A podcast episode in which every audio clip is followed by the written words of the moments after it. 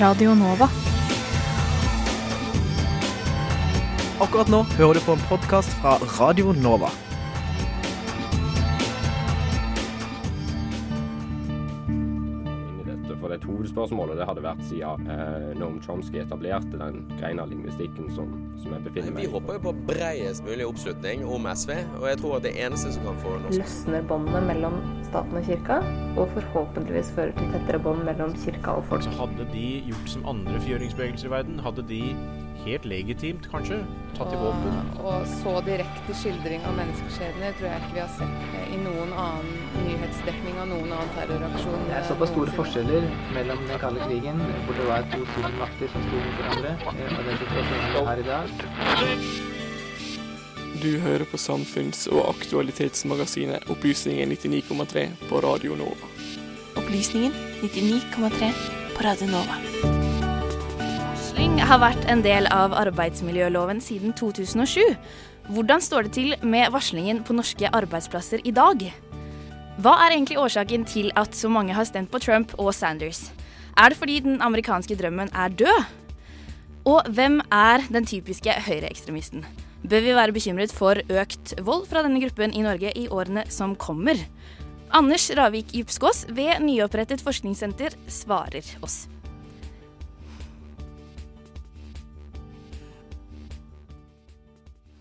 P-stasjon har en innvirkning på den enkelte nordmanns selvfølelse og identitet.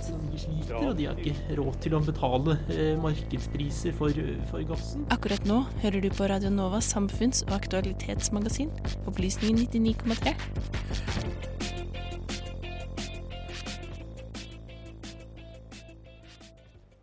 God formiddag og velkommen til Opplysningen 99,3 fredag 22. april.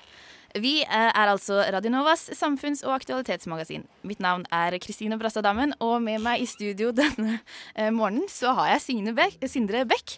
Eh, Og vi sitter nå klare. Vi kom nettopp inn døra.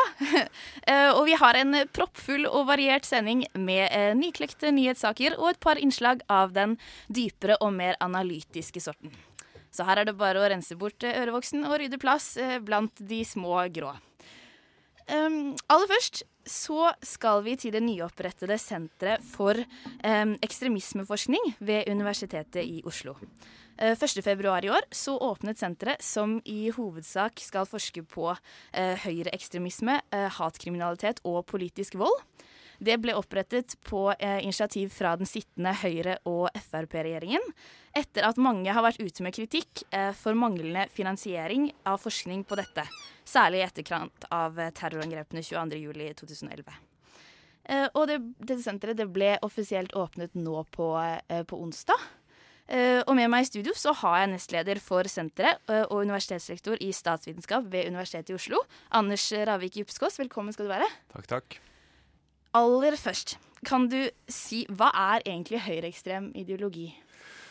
Høyreekstremisme er et veldig omstridt eh, begrep også blant fagfolk. Og det handler selvfølgelig om at det er, ganske, det er et veldig politisert begrep. Det er et eh, begrep som ofte blir brukt for å stigmatisere eh, grupper og meninger og holdninger man ikke liker, som de som har makten ikke liker. Ikke? Ekstremisme generelt er et veldig omstridt begrep. Men den vanlige måten å se på det innenfor eh, forskjellige fag i og for seg, er, er to, så er det to retninger. En er de som er veldig opptatt av handlinger, at det er en bestemt form for handlinger, at det er voldsbruk. At man bruker vold for å oppnå politiske målsetninger. Um, og selvfølgelig det som da gjør at den blir høyreorientert, er at man ønsker å få et sånt kritisere eh, det etablerte regimet, at, at eh, man er opptatt mer av ulikhet, at eh, det skal være hierarkier i samfunnet. Og så er det de som er opptatt av høyreekstremisme som en bestemt eh, type holdninger. Antidemokrati, rasisme og ofte utbredt forestillinger om eh, konspirasjoner. Mm. For altså, hvor går egentlig grensen for hva som kan anses som kriminelle ytringer? Ja, Der er det jo et lovverk da, som sier at det ikke er lov til å komme med hatefulle ytringer overfor personer basert på deres eh, religiøse, etniske, eh, seksuelle orientering, nedsatt eh, funksjonsevne. Eh, men dette er jo noe som måtte, jussen til enhver tid må ta stilling til, da, hva som er eh, lov og ikke lov. Ofte er jo, altså Vold er jo ikke lov da, eh, i, i de fleste land. Og, mens ytringsdiskusjonen og hvor grensene for ytringsfriheten går, altså det er, eh, det er en, eh, en, vanskelig balansegang og, grenseoppdragning som eh, Jeg tror ikke jeg skal forsøke meg på noen resonnement akkurat her, men, men, man kunne tenke seg liksom at det, det, vil være eksempler på hvor man stempler folkegrupper som skadedyr, som, som kanskje vil komme under denne typen form for hatefulle ytringer. Mm. Kan du si noe om hvordan det høyreekstreme miljøet i Norge er i dag? Så det høyreekstreme miljøet i Norge har jo da, det er en sånn eh, catchphrase som vi bruker. Han har gått fra på 1990-tallet fra å være på gata til å bli på data. Så eh, på 1990-tallet så var det veldig ofte geografiske steder, bestemte tettsteder i Norge som fikk ble liksom brennmerket som høyreekstreme arnesteder. Jeg skal bestemme meg for å slutte å nevne navn på de stedene, for de skal slippe de tettstedene og liksom bli evig assosiert med det høyreekstreme. Men, eh, men, det var geografisk avgrensede områder, og det var ofte litt nynazistiske, litt sånn skinhead-miljøer som, som, preget noen av de stedene. Kanskje også en del uorganiserte grupper som på en måte sto bak rasistisk motivert vold. I dag så er det jo, og det gjorde også at det var mye marginalisert ungdom som var en del av disse grupperingene, mens man i dag ser at det sannsynligvis er mer ofte ressurssterke mennesker som kanskje lever et ganske normalt familieliv på dagtid, men som da blir det som jeg kaller for tastaturkrigere når eh, mørket legger seg på kvelden og de går opp på datamaskinen og skriver eh, både hatefulle ytringer og, og, til en viss grad fremsetter trusler på, på sosiale medier. Mm. I hvilken grad er de organisert? Det norske høyreekstreme miljøet er veldig fragmentert, eh, og det ser vi bl.a. ved at de i veldig liten grad klarer å mobilisere til noen særlige demonstrasjoner utenfor sosiale medier. Eh, og Det er veldig tydelig forskjell fra f.eks. For Sverige eh, og til en viss grad også Tyskland, hvor disse grupperingene er mye mer organiserte. Rene høyreekstreme partier i Norge det hadde vi noen få av på 1990-tallet, men veldig få av disse, eller altså ingen av disse fikk noe særlig oppslutning i det hele tatt. Så det er på en måte her og der. Det var en demonstrasjon i Trondheim i 2012 med en gruppering som heter Norsk motstandsbevegelse. Men det interessante er at når, når de gruppene måte klarer å, å vise seg på gata, de mer militante gruppene, så er det ofte det vi kunne kalle for importert høyreekstremisme. Der kommer da folk med høyreekstreme militante aktivister inn med buss fra Sverige for i det hele tatt liksom klare å mobilisere nok eh, mennesker. Så, men, men, så er jo på en måte poenget at det er en voksende tendens, da, eh, eller en økende tendens til såkalt soloterrorisme. Hvor man får personer som gjerne selvradikaliseres på sosiale medier, og hvor mm. Anders Behring Breivik er et, et, av de mest eh, ytterliggående eksemplene på det. Mm. Um, er det nødvendigvis en sammenheng mellom økende innvandring og oppblomstringen av høyreekstreme miljøer? Ja, altså, eh, det vi har sett historisk, er jo at hvis det kommer veldig mange innvandrere eh, og asylsøkere på kort tid, så er en av de reaksjonene som ofte eh, manifesterer seg, er jo at man får type brannpåstiftinger av, av asylmottak, og, og, til en viss grad kanskje økende Eh, konfrontasjoner. 1990-tallet var jo et eksempel på det, og nå ser det ut til å være noe lignende som skjer nå. Eh, dette er nok tydeligere i en del østeuropeiske land, hvor man har fått veldig mye sånne borgerverngrupper og sånne militsorienterte grupperinger som går og passer på grensen og, og kaster ut eh, innvandrere. Mm. Vi fikk jo kanskje noe lignende i form av Odins soldater på et tidspunkt. Som et eksempel her også i Norge. ikke sant? Som at mm. Man fikk også nordiske uttrykk for denne såkalte borgerverntendensen. Altså grupperinger som mener at staten ikke eh, lenger lever opp til sine forpliktelser om å beskytte innbyggerne, og tar eh, loven i egne hender. Eh, men det interessante er at i et lengre perspektiv så har jo volden i den høyreekstreme volden eh, i Vest-Europa eh, gått ned siden 1990 til i dag. Betydelig, altså En ganske tydelig tendens til at det blir mindre og mindre vold, samtidig som da Vest-Europa er blitt mer og mer multikulturelt. Så det kan se ut til å være en forskjell på en den langs, kortsiktige og den, og den, langsiktige effekten av dette. At på kort sikt kan det være en del motreaksjoner, men på lengre sikt så ser det ut til at man blir vant da, til å leve i flerkulturelle samfunn. Hmm. Um, men kan du si noe om forskjeller uh, i forekomsten av høyreekstremisme mellom de skandinaviske landene? For vi har jo litt Som f.eks. Sverige har jo mye åpnere grenser enn det vi i Norge har hatt til nå. Mm.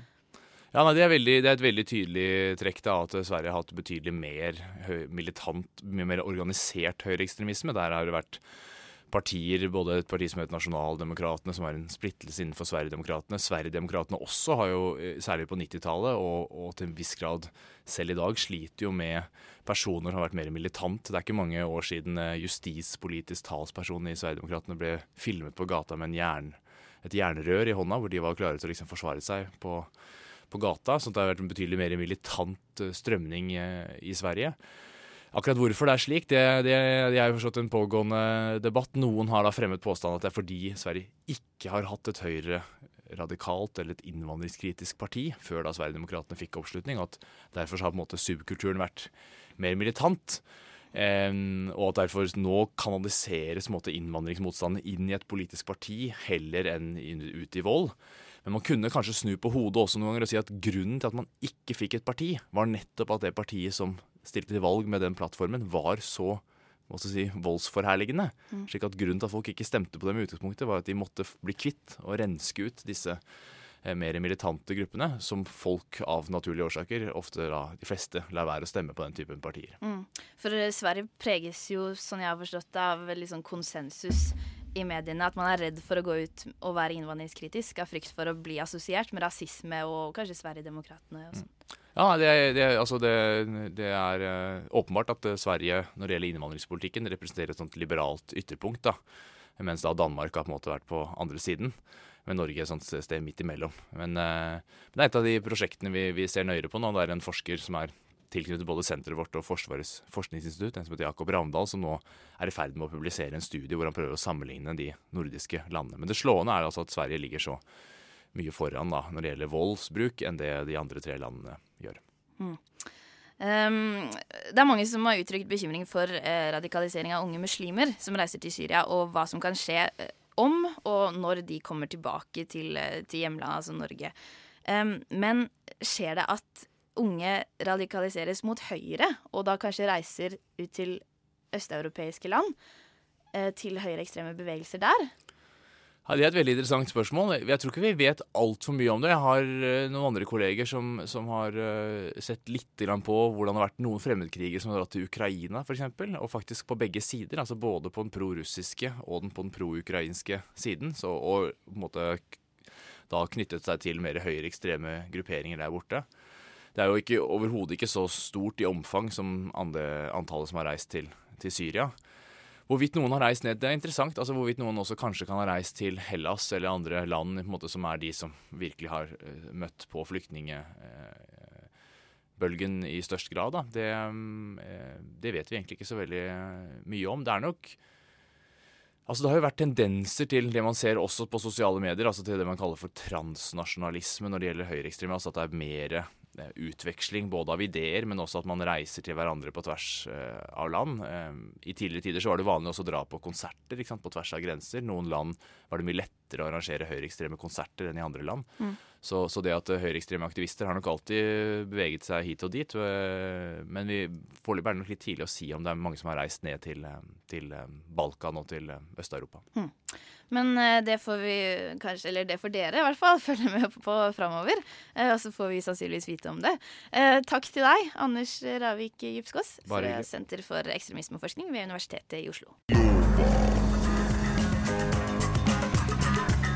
Akkurat nå hører du på en podkast fra Radio Nova.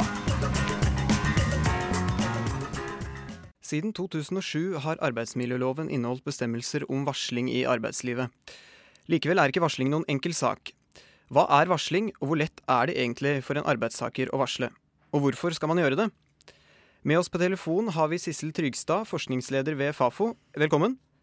Hei. Og i studio har vi deg, Merete Akerø, eh, jurist i LO og LO-advokat. Velkommen til deg også. Takk. Akerø først. Hva er varsling? Jo, varsling det er når en ansatt eh, oppdager kritikkverdige forhold og finner ut at dette er noe han må melde fra om, og da faktisk òg gjør det. Hva er forskjellen på det å, å si ifra og det å varsle? Altså Det å si fra det kan jo være om så mangt. Eh, men dersom det er en varsling etter lovens bestemmelser, så må det omhandle et kritikkverdig forhold. Altså eh, noe med en viss alvorlighetsgrad. Eh, Trygstad, eh, du forsker på varsling hos Fafo. Hva er det folk varsler om? Du, Det kan være en hel rekke saker. Det vi ser som kanskje er det som er hyppigst, det er eh, psykososiale arbeidsmiljøproblemer, som at man varsler om trakassering av kollegaer f.eks., eller det som vi gjerne også kaller for mobbing. Eh, det kan være brudd på rutiner som går på helse, miljø og sikkerhet, men det kan også være forhold som retter seg mot brukere, vold mot brukere, uetisk oppførsel eller korrupsjon eller underslag, den type problemstillinger. Så, så lista er veldig lang. Dere skal i gang med en uh, ny undersøkelse om varsling i norsk arbeidsliv i slutten av april. Uh, om vi tar utgangspunkt i det dere vet fra før, hvor mange er det som varsler? Av de som eh, oppdager et alvorlig kritikkverdig forhold, som er vår definisjon, da, Eh, så er det mellom 50 og 60% som varsler i de undersøkelsene vi har gjennomført. Det varierer litt, men i den siste undersøkelsen vår i 2013 så var det 62% som varslet om eh, det de opplevde som alvorlig kritikkverdig forhold til noen som kan gjøre noe med det. Og Det kan da være nærmeste leder, det kan være tillitsvalgt verneombud eller leder høyere opp. Det er eh, nesten ingen som varsler media første gang.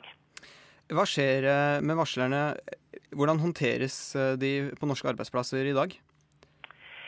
Ja, det er jo litt variabelt. Men hvis vi skal snakke ut ifra det store bildet, så er det sånn at for majoriteten så går det bra å varsle. Og Det betyr at eh, de, noen får eh, ros av kollegaer eh, eller også lederne, eller de varsler, og, og, og det, det, er tilsynelatende greit. Men så er det en andel på sånn 14-13-14-15% som blir sanksjonert. Og de som blir sanksjonert, de kan bli sanksjonert veldig hardt.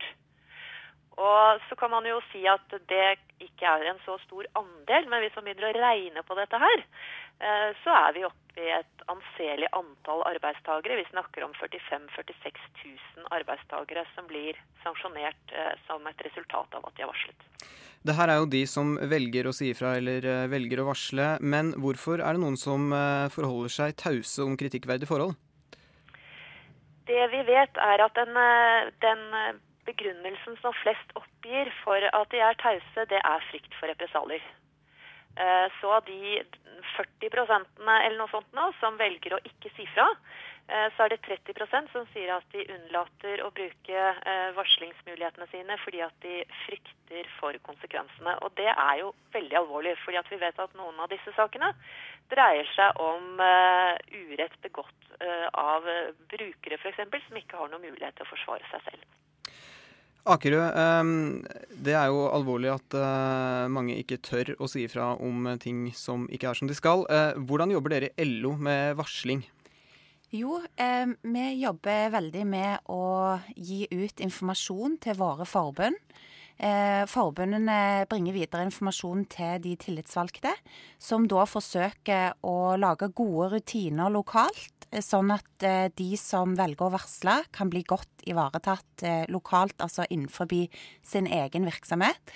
Eh, de kan òg representere de når de har varsla allerede. Og det, hvis det er kommet noe sanksjonering i ettertid, så kan de da bistå de i en prosess videre.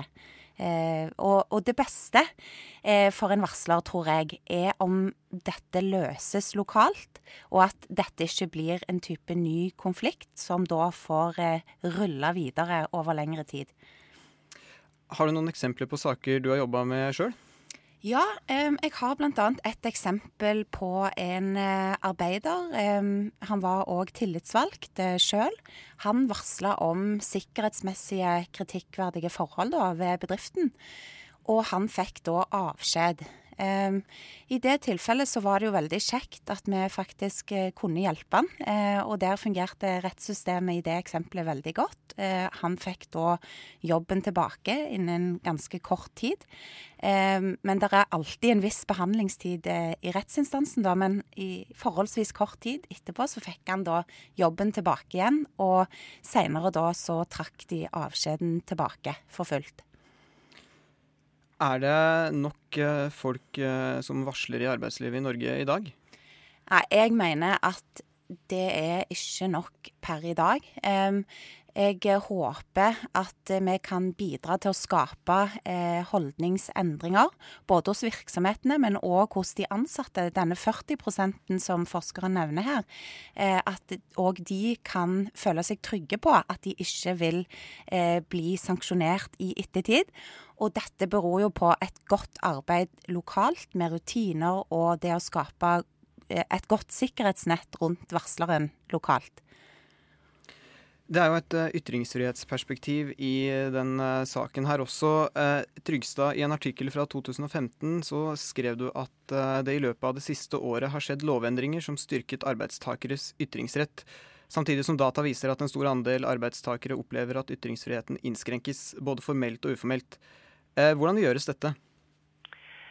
Eh, det gjøres på veldig mange måter. En eh, kanskje veldig vanlig måte, og, og, særlig i offentlig sektor, er at man produserer en hel rekke rutiner, retningslinjer, fremgangsmåter for hvordan man skal oppføre seg.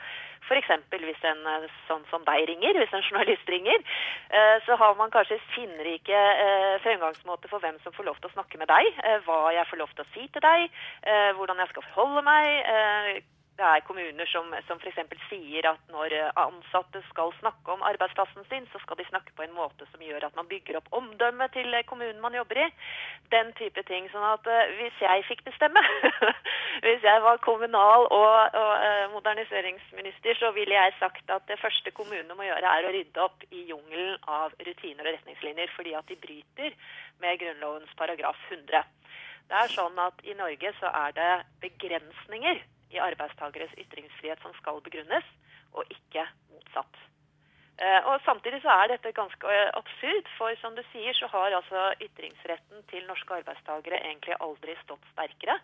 Eh, og i komparativ sammenheng så har vi nok også det beste lovverket når det gjelder det å sikre arbeidstakere som, som kan ytre seg. Men vil du si at de systemene som finnes for å varsle, er gode nok? Eh, det vi vet, er at eh, det er gjort en stor jobb, som, også advokaten påpekte, når det gjelder å lage rutiner for å varsle i eh, norsk arbeidsliv. Og det vi også vet, er at det er en klar statistisk sammenheng mellom de arbeidstakerne som sier de har varslingsrutiner, og når de varsler, da går det rett og slett bedre med dem. Eh, så Det tyder jo på at det er gode rutiner der ute. Men det man skal være forsiktig med, er at man eh, ikke lager rutiner som blir veldig kompliserte å forholde seg til. Og Det vi også ser, er at det er en tendens til at man lager ulike rutiner for å varsle om ulike saker. Og Det kan i utgangspunktet kanskje være godt ment, men for den arbeidstakeren som skal varsle der og da, så kan det bli ganske komplisert å vite hvilken rutine man skal benytte i akkurat denne saken. Så, så egentlig så burde dette være ganske greit. Eh, lage en fremgangsmåte for hvem man skal si fra til når man opplever noe alvorlig kritikkverdig på arbeidsplassen, eh, og egentlig ferdig med det. Akerø, eh, du jobber jo i eh, LO. Eh, har du noen tips til eh, hvordan en arbeidstaker bør gå fram om det er kritikkverdige forhold på sin arbeidsplass? Ja, absolutt. Det første man må gjøre, er å undersøke rutinene i bedriften. De finner man ofte på sidene, internsidene til bedriften. Og jeg råder de til å følge disse til punkt og prikke. Eh, fordi da oppnår man rett og slett best vern. Dersom det ikke er rutiner i virksomheten, så oppfordrer jeg til å ta direkte kontakt med tillitsvalgt og eller verneombud. Eventuelt begge to. Vil du si at det lønner seg å varsle? Eh, rent økonomisk så er det ikke de store Det er ikke som i USA hvor eh, det utbetales veldig høye erstatninger, så jeg vil ikke tro det er økonomisk lønnsomt. Og det er klart at det, eh, det er viktig å varsle for, for, arbeidsplassen og for sikkerheten til de ansatte, så er det veldig viktig at noen varsler. Men men eh, man må eh, samtidig være eh, veldig forsiktig òg eh, når, eh, når, man skal varsle. Det er viktig fremgangsmåten og hvordan man gjør det. Hvilke avveininger må man eh, gjøre? det er viktig. Jeg mener jo at dersom det finnes kritikkverdige forhold, så, så bør man varsle.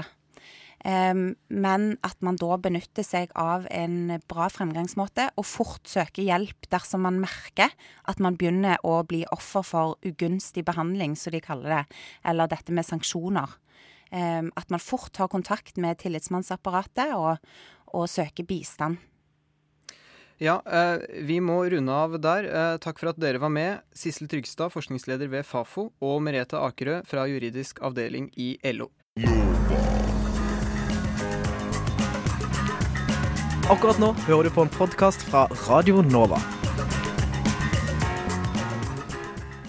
Partiet Rødt står i fare for å bli saksøkt av Utenriksdepartementet. Redaksjonsmedarbeider Tora Sandberg har laget en reportasje om saken å gjøre med at det må være lov til å eh, gjøre narr av de som eh, bestemmer.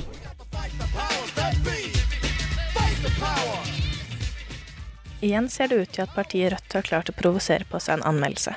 Utenriksdepartementet truer dem med bøter og fengselsstraff i et brev til partiet.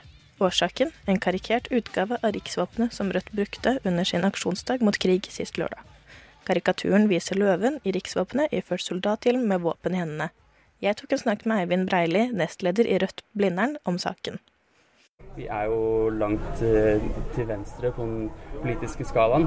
Eh, mange er uenige med oss, det må de gjerne være. Eh, og da kan det godt hende at de, føler, at de blir provosert. Men jeg mener likevel at i denne saken her så, så er det urimelig da, å, å snakke om bøter. UD viser til straffelovens paragraf 165 som setter forbud mot den som uhjelmet bruker et norsk eller utenlands offentlig våpen, merke eller segel, eller noe som lett kan forveksles med slike.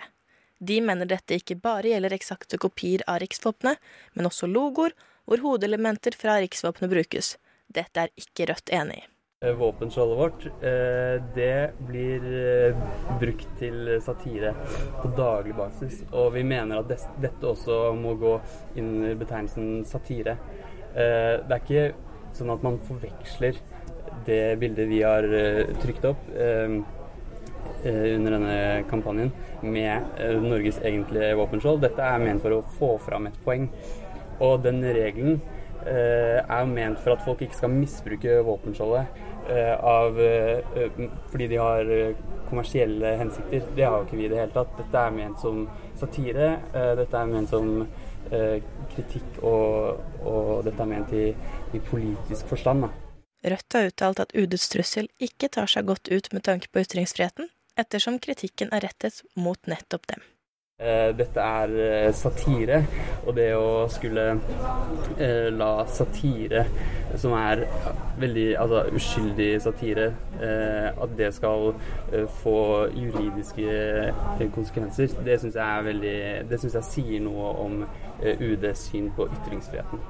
Dersom UD holder sine ord og anmelder partiet Rødt, blir dette andre gangen på under et år Rødt ser seg nødt til å møte i en rettssal. Og det er lett å tro de kun provoserer for å provosere.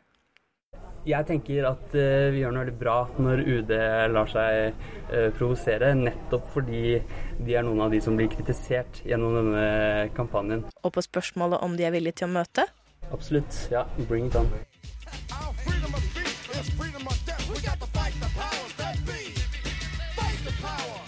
Innslaget var ved Tora Sandberg.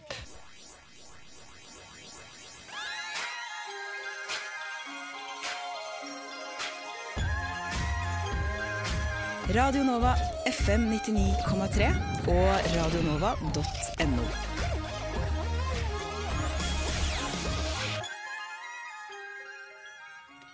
USA er mulighetenes land, i alle fall om vi skal tro den amerikanske drømmen. Samtidig er USA også kontrastenes land. I det amerikanske nominasjonsvalget har, har, som kjent Donald Trump og Bernie Sanders gjort suksess med sitt systemkritiske og alternative budskap. Men hvorfor har de egentlig gjort det bra? Og hvorfor er folk så sinte? Er det fordi den amerikanske drømmen er død? Vårin Alme, du er statsviter og kommentator for nettstedet Amerikansk politikk. Velkommen. Takk. Donald Trump og Bernie Sanders gjør suksess i den amerikanske nominasjonsvalget. Hva er den store oppslutningen deres et uttrykk for? Ja, altså For det første så må vi huske på at det er ikke sikkert sånn umiddelbart at uh, det er et uttrykk for det samme. Uh, de står jo selvfølgelig som sånne motpoler helt ute på ytterkantene i hvert sitt parti. Uh, og de, de, har altså, fanget opp en sånn populistisk strøm, men de er jo veldig forskjellige på mange punkter. Men det er noen likheter de har, og det er for det første at de spiller på og uttrykker et slags sånn sinne mot liksom, status quo, mot det som består, um, på forskjellige måter. Og det er noe som fanges opp fanger opp det som er av sinne blant befolkningen. Uh, og kan vi, ikke, altså vi kan jo ikke da utelukke å, snakke om uh, det største altså At vi har nå de største økonomiske nedgangstidene fra 2008, fra, fra, depresjonen, som nå er noe amerikanske velgere har fått kjenne på kroppen. Um, og det som kanskje er de største likhetstrekkene mellom uh, Sanders og, og, Trumps velgergruppe, det er at det, det i hovedsak er hvite velgere. Uh, de er uh, ofte fattige, um, og, de har en sånn forakt og mistillit til systemet. Og, fullstendig mistet tilliten til at de blir representert i Washington. Um, hvordan kan vi forklare Trumps voldsomme popularitet, særlig hos den hvite middelklassen, og særlig hos hvite middelklassemenn? Ja, altså Dette er jo da uh, ofte, ja, som, som, jeg nevnte, folk som har kjent disse nedgangstidene på kroppen. Kanskje de har mistet jobben sin, kanskje de har mistet helseforsikring, sett andre venner, familie osv. Uh, lide under det som har vært økonomiske nedgangstider. Uh, og som uh, kanskje ser etter lette løsninger da, i Trumps tilfelle, og syndebukker. om det så er innvandrere, eller om det er faktisk maktpersoner i Washington. Uh, og, som, og, som, da uh, appellerer til uh, Altså, de, de, stoler på Trump som en slags sånn outsider som kan, kan, komme og hamle opp med det politiske systemet som de nå er lei av. Hvem er det som stemmer på Bernie Sanders, hvis man skal liksom se på forskjellene mellom Trump og Sanders velgermasse? Ja, som sagt så har vi begge store hvite velgergrupper, og ofte eh, mennesker med lave inntekter. Men eh, forskjellen der er ofte at eh, Trump gjør det bra blant dem over 40, ofte menn, ofte hvite menn, mens Bernie gjør det veldig bra blant unge, og særlig velgere i urbane områder. USA er et land med store forskjeller. Eh, vi har snakket litt om den økonomiske krisen i 2008 og konsekvensen av den. Men hvordan kan vi forklare de store forskjellene i USA? Uh, det er jo et veldig stort spørsmål, men, men det man har sett av, uh, av, økte forskjeller i den siste tiden, har jo vist seg i at middelklassen synker, og at flere og flere forsvinner særlig ned i den nedre middelklasse, og at de som er eh, på topp i systemet, gjerne får mer og mer av det de allerede har. Um, og, og, det er jo det både Trump og Sanders har spilt mye på. Trump på den måten at han, han har, altså, representerer en slags sånn nostalgi tilbake til den tiden det faktisk var mulig å, å komme seg oppover i systemet og, eh, og, være sin egen mann og, og uh, skape sin egen lykke. Eh, Bernie Sanders på den måten at han ber om en politisk revolusjon og har pekt til Skandinavia og til velferdssystemene våre her. og mener at det er tid for en rettferdighet og, og en inntektslikhet i USA i større grad enn det man har nå. Um, vi må snakke litt om den amerikanske drømmen. Kan du forklare hva den går ut på, eller hva det er? Sånn Veldig enkelt så er jo det denne hele filosofien om at uh, man uh, har en grunnleggende frihet som individ USA, uh, og at den friheten gir muligheter til å komme seg opp uansett hva slags omstendigheter man blir født inn i, og at man har en sånn slags sosial mobilitet som aldri er innskrenket av system eller andre faktorer. At du er din egen lykkes med. Har gjennomsnittsamerikaneren faktisk en forestilling om den amerikanske drømmen, eller er det en idé vi tillegger dem? Det er nok gjennomsyrende i det amerikanske samfunnet. Men uh, det som er interessant, er at nå i desember så ble det utgitt en, en undersøkelse fra Harvard, uh, der hvor 48% av unge velgere i alderen 18 til 29 år svarte at de tror, eller mener den amerikanske drømmen er død. Um, og det som også der er interessant, er at de fleste av eh, de som svarte det, uh, foretrekker Sanders og Trump uh, for, altså, andre kandidater. Og de ville heller stemt på uh, hverandre. Altså de Trumps tilhengere ville heller stemt på Sanders enn andre presidentkandidater, og vice versa. Sentralt i den amerikanske drømmen så står jo tanken om det du kalte sosial mobilitet, altså at det er mulig å arbeide seg til et godt liv, selv om man starter med to tomme hender. Kan vi si at den amerikanske drømmen har slått feil, eller at den amerikanske drømmen er død, sånn som undersøkelsen viser, og hva er eventuelt årsakene? Um, Ja, altså, Det er jo vanskelig å si det altså, isolert fra denne, dette krasjet uh, som kom i 2008. For det har jo sementert uh, forskjellene, og det har gjort, eh, gjort at middelklassen stadig har blitt redusert. Men dette er jo også en trend man har sett i mange, mange år. Um, så det kan jo vitne om at uh, den amerikanske drømmen er i ferd med å forvitre. Dersom den uh, amerikanske drømmen er død, eh, kan vi da si at uh, samfunnskontrakten i USA ikke lenger? Og har da folk egentlig lenger noen grunn til å tåle forskjeller, hvis de uansett forblir på bunnen av stigen og det ikke er mulig å komme seg oppover? Ja, og det er jo, det er jo det store, den store saken som både Trump og Sanders spiller på. Dette med at USA, som skal være mulighetenes land, nå er landet med de største forskjellene. Sanders sitt sånn talking point har jo lenge vært at USA er verdens uh, rikeste land, men uh, har verdens største forskjeller. Um, og at man må gjøre Man må ha en politisk revolusjon der hvor den uh, um, 1 på toppen ikke lenger får lov til å utnytte makt og midler uh, som, som, straffer seg for alle andre i samfunnet. Um, og, og, og, dette med at dette håpet som liksom har preget uh, uh, USA, med, at, med, tanken om at frihet gjør at du kan få komme deg opp i systemet, uh, at det begynner å bli truet, det er jo noe de absolutt spiller på. Trump ved å si at vi skal tilbake igjen til å vinne, vi skal bli et land som, som vinner i verden igjen. Og Sanders ved å ja, peke til Skandinavia og foreslå en politisk revolusjon. Uh, Sanders eh, peker eh, til, eller viser til, eh, landene i Skandinavia når han snakker om de store forskjellene i USA. Fokuserer amerikanerne for mye på sjanselikhet, altså at alle skal ha like muligheter, men for lite på resultatlikhet, at alle skal ende opp på et anstendig nivå? Det kan du godt si, for det er jo hovedtanken i den amerikanske drømmen. At det skal ikke være likhet på bekostning av frihet. Det skal være eh, frihet som er grunntanken, og, og man er sin egen um, Altså du er ansvarlig uh, for din egen lykke. Um, og det er jo noe vi da uh, ikke har i Norge med velferdsstaten sånn, og det er jo noe mange, særlig unge velgere, da, har vist seg å være uh, Altså det de har vært en idé som har begynt å appellere for dem. Hvor lenge kan en idé som den amerikanske drømmen overleve hvis, eh, hvis den ikke lenger samsvarer med hverdagen til store deler av den amerikanske befolkningen? Det blir spørsmålet nå, for dette er jo den eh, mest spesielle valgkampen på eh, har ikke noe å sammenligne med, egentlig. Um, så det, det, avgjøres jo nå i dette presidentvalget om vi får en radikal endring på hele det politiske systemet i, i USA, eller på hele det politiske landskapet, i det minste. Uh, vi må stoppe der. Uh, tiden renner fra oss. Takk for at du kom i studio, Vårin Alme, statsviter og kommentator for nettstedet amerikanskpolitikk.no. Radio Nova. Radio Nova? Du hører nå en podkast fra Radio Nova.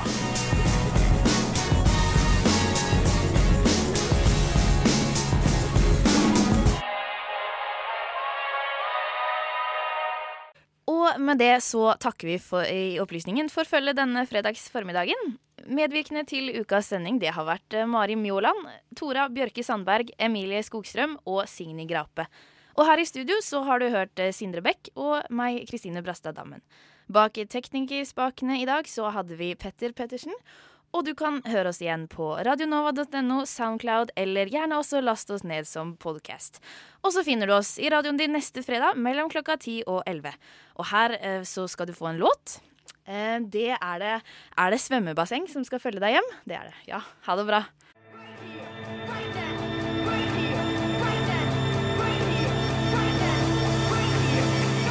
Radio Nova. Du har hørt en podkast fra Radio Nova. Likte du det du hørte? Du finner flere podkaster i iTunes og på radionova.no.